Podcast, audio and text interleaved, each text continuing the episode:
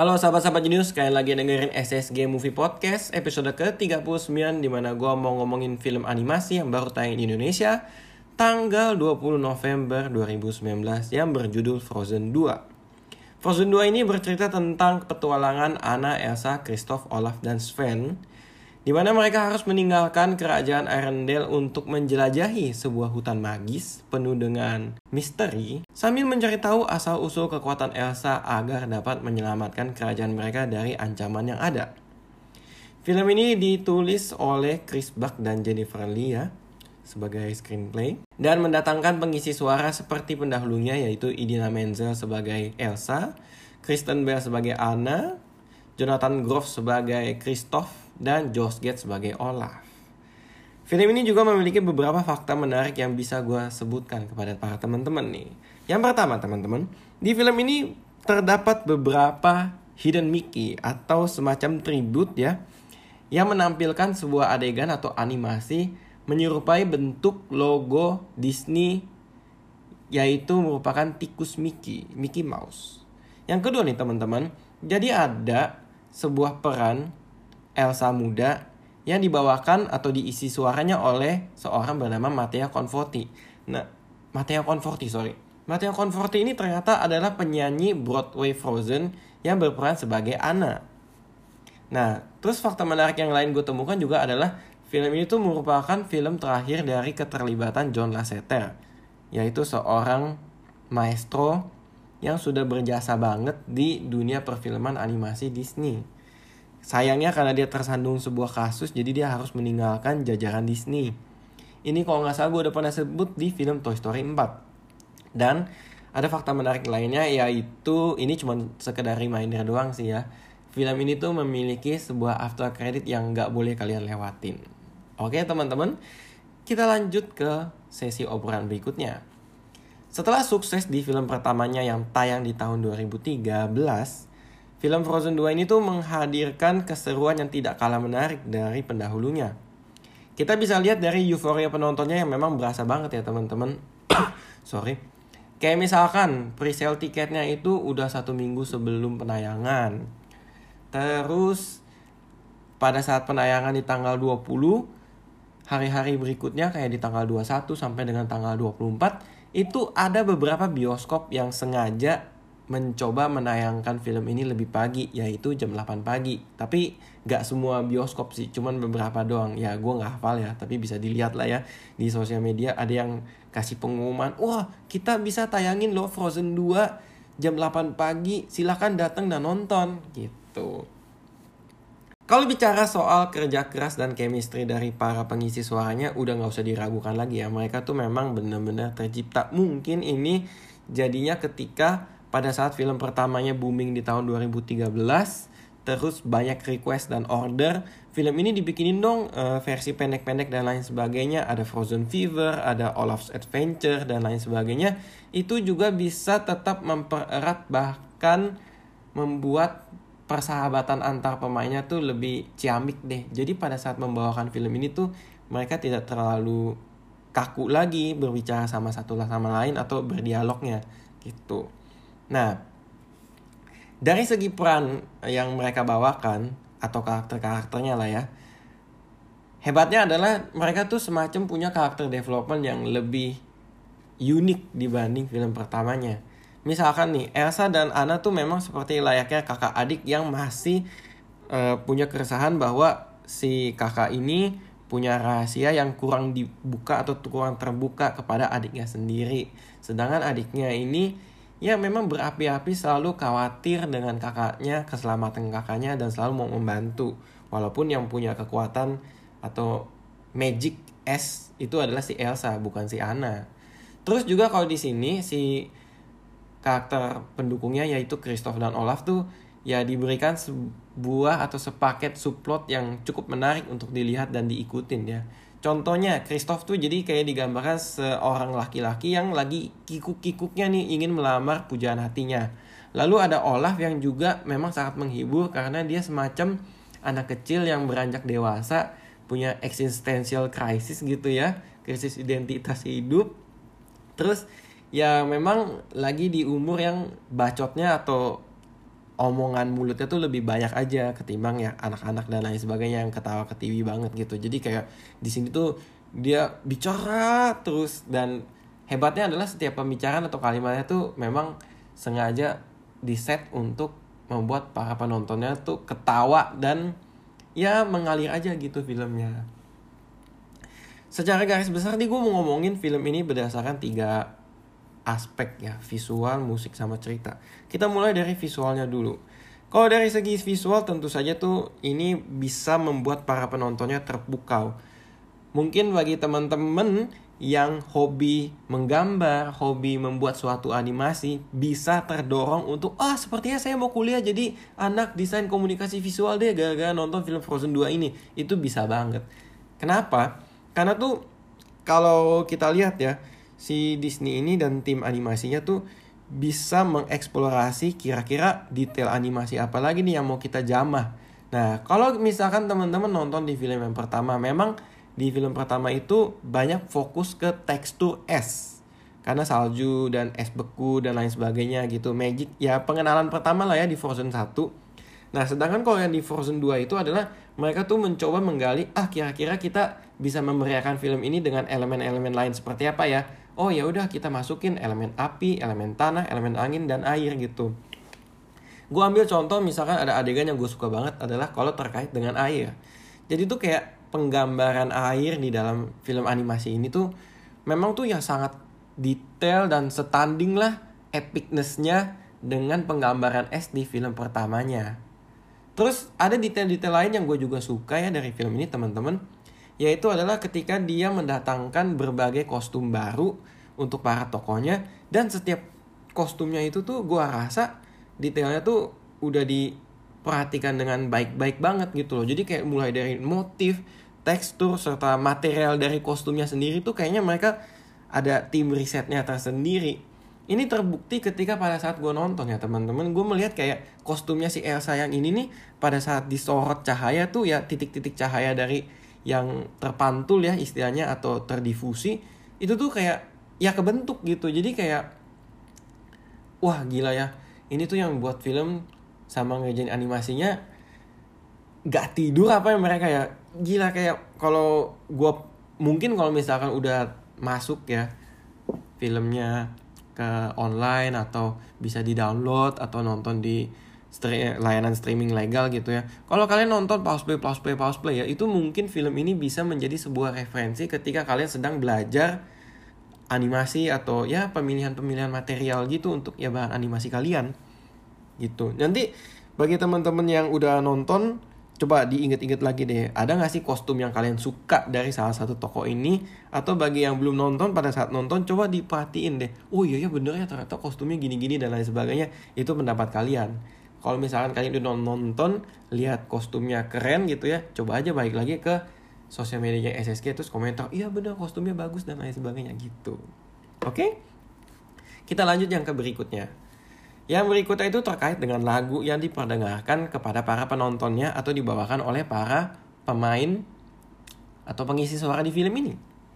Sebenarnya sih menurut gue lagu-lagu di film ini nggak terlalu mengganggu banget ya. Hanya saja tuh memang jumlahnya terhitung kayaknya lebih banyak gitu. Yang walaupun durasinya ya mirip-mirip lah 3 menit, 4 menit sampai dengan 5 menit.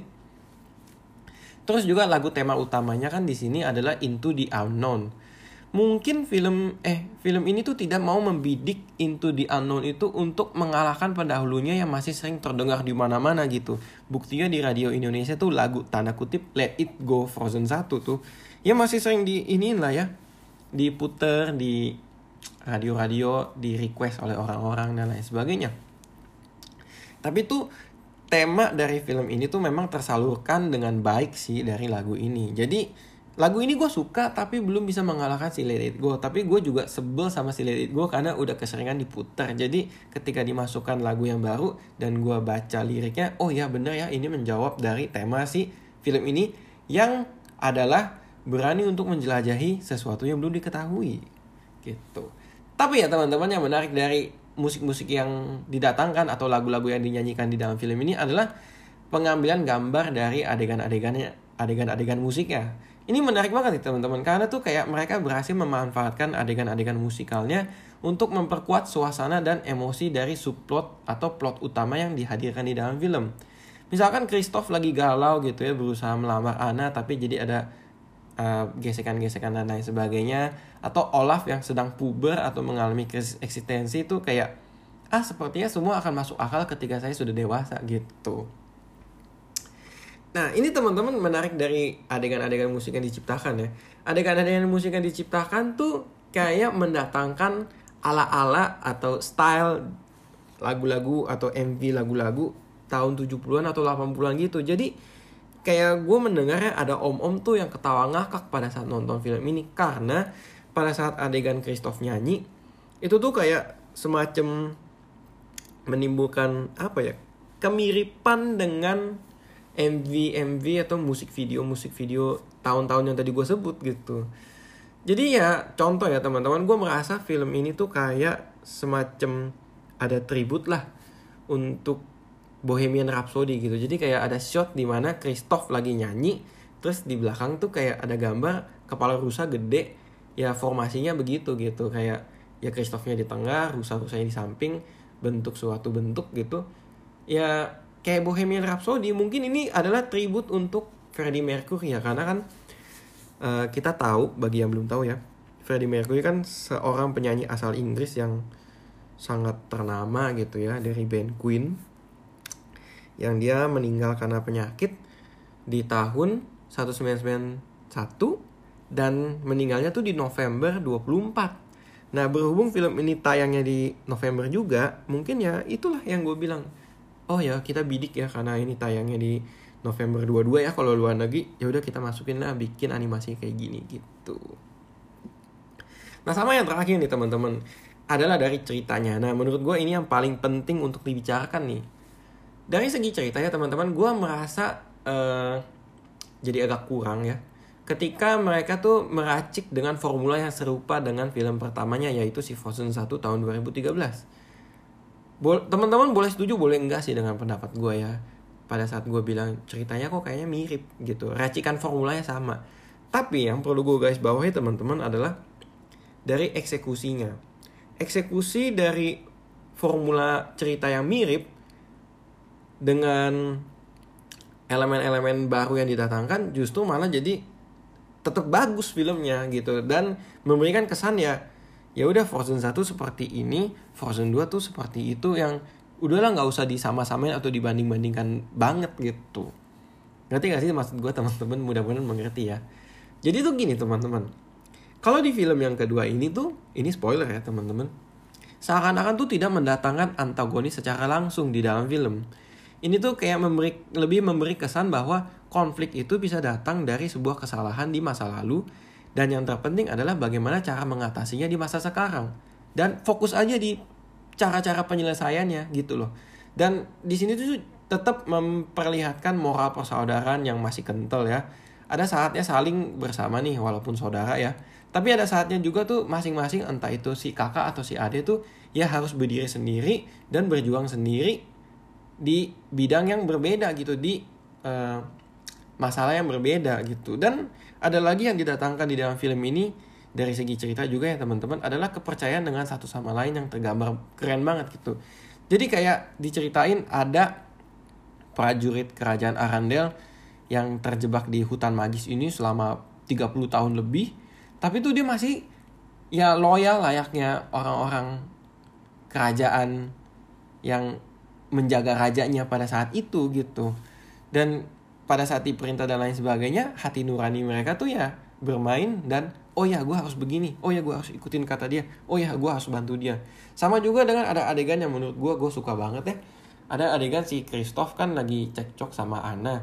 Pada saat mereka ketemu menjelang ending mereka baikan tapi ya udah gitu mereka ngalir aja gitu. Gue minta maaf gini gini gini gini. Sekarang lu lagi dalam masalah gue bisa bantu lu apa nih? Apa yang kita harus lakukan dengan cepat untuk menyelamatkan situasi? Ber. Itu tuh menurut gue ya bagus banget ya untuk cukup bisa mengajarkan anak-anak bahwa ya itulah orang tuh harus dengerin dulu bukannya menggurui dan lain sebagainya gitu untuk bisa saling mendukung satu sama lain atau membantu satu sama lain dalam situasi yang genting. Sebagai penutup teman-teman mungkin banyak yang mengkritik ya film ini tuh terlalu kompleks dan terkesan dewasa banget untuk ukuran anak-anak gitu. Ya menurut gue sih garis bawahin aja ya teman-teman ya film ini kan memang pasarnya anak-anak. Tapi ketika Frozen 1 ditayangkan tahun 2013 dan ditayangkan sequelnya tahun ini 2019 berarti kan itu ada jarak 6 tahun ya teman-teman. Bukannya harusnya para penonton film pertamanya sudah tambah dewasa 6 tahun. Ya harusnya film ini juga kalau bisa tuh dia juga ikut mendewasakan dong. Dan lagi pula kalau misalkan bicara soal umur anak-anak, oh terlalu kompleks dan enggak, bukannya harusnya tuh peran orang-orang dewasa yang nemenin anak-anaknya pada saat nonton, sepulang nonton, ya tontonan ini kan bisa jadi bahan pembicaraan kalian gitu loh untuk saling bercengkrama, berbagi keseruan gitu ya. Tadi kamu ngerti nggak film ini? Film ini kan gini gini gini dan lain sebagainya gitu. Toh sebuah produk film yang sudah tayang di bioskop ya tetap awet kan ya kalau digaungkan terus menerus di beberapa tahun selanjutnya apalagi media streaming media online ya yang menayangkan film-film bioskop gitu udah aksesnya kan mudah dijangkau semua orang ya saat ini ya. Orang kalau misalkan non mau nonton Frozen 2 tapi belum nonton Frozen 1 buka online le yang legal ya. Buka layanan online yang legal oh streaming atau download terus baru nonton gitu. Maksudnya download uh, play offline gitu ya atau save offline gitu. Kan bisa kalian kan nonton hari ini Frozen 1 terus besok nonton Frozen 2 di bioskop kan kayaknya udah bukan sebuah hambatan ya teman-teman ya. Menurut gue sama halnya ketika kalau misalkan ada anak-anak yang lagi beranjak dewasa saat ini nonton belum ngerti mungkin lima tahun mendatang kilas balik nonton film ini lagi baru mengerti ya bisa-bisa aja. Tapi intinya adalah film ini tuh menurut gue adalah kesempatan emas sebagai jembatan di mana yang anak-anak menjadi dewasa didewasakan oleh film tetapi juga harus didukung dan disupport oleh orang-orang tua yang ikut menonton atau menemani anak-anaknya saat menonton. Gitu kan teman-teman? Ais gila keren banget ya kalimat gue padahal mah ya so tahu banget sih ngomongnya. Gitu sih teman-teman ya. Menurut gue film ini cukup menarik untuk ditonton. Dan gue memberi nilai ini 90 dari 100 jadi pada saat gue masukin ke aplikasi rekomendasi ya rating dan lain sebagainya gue tetap tulisnya di angka 9 pas 10 kali ya teman-teman ya. Jadi ya udahlah ya. Sekian dari gue untuk obrolan film kali ini yaitu si Frozen 2 Terima kasih bagi teman-teman yang sudah mendengarkan SSG Movie Podcast dari awal hingga detik ini. Bagi teman-teman yang setelah mendengarkan podcast ini mau bekerja, semoga dikaruniai dengan kreativitas dan tenaga yang cukup ya. Atau bagi teman-teman yang setelah mendengarkan podcast ini mau tidur dikaruniai dengan mimpi indah. Oke oke? Gue Ray mau pamit undur diri dulu. Sampai jumpa di episode berikutnya. Jangan lupa untuk follow sosial media So Stupidly Genius di @sostupidlygenius atau jangan lupa untuk follow atau subscribe podcast SSG Movie Podcast ya. Entah apa pun itu platformnya. Tapi kalau misalkan ada tombol follow atau subscribe, jangan lupa dipencet. Oke? Okay? See you next time ya. Bye-bye.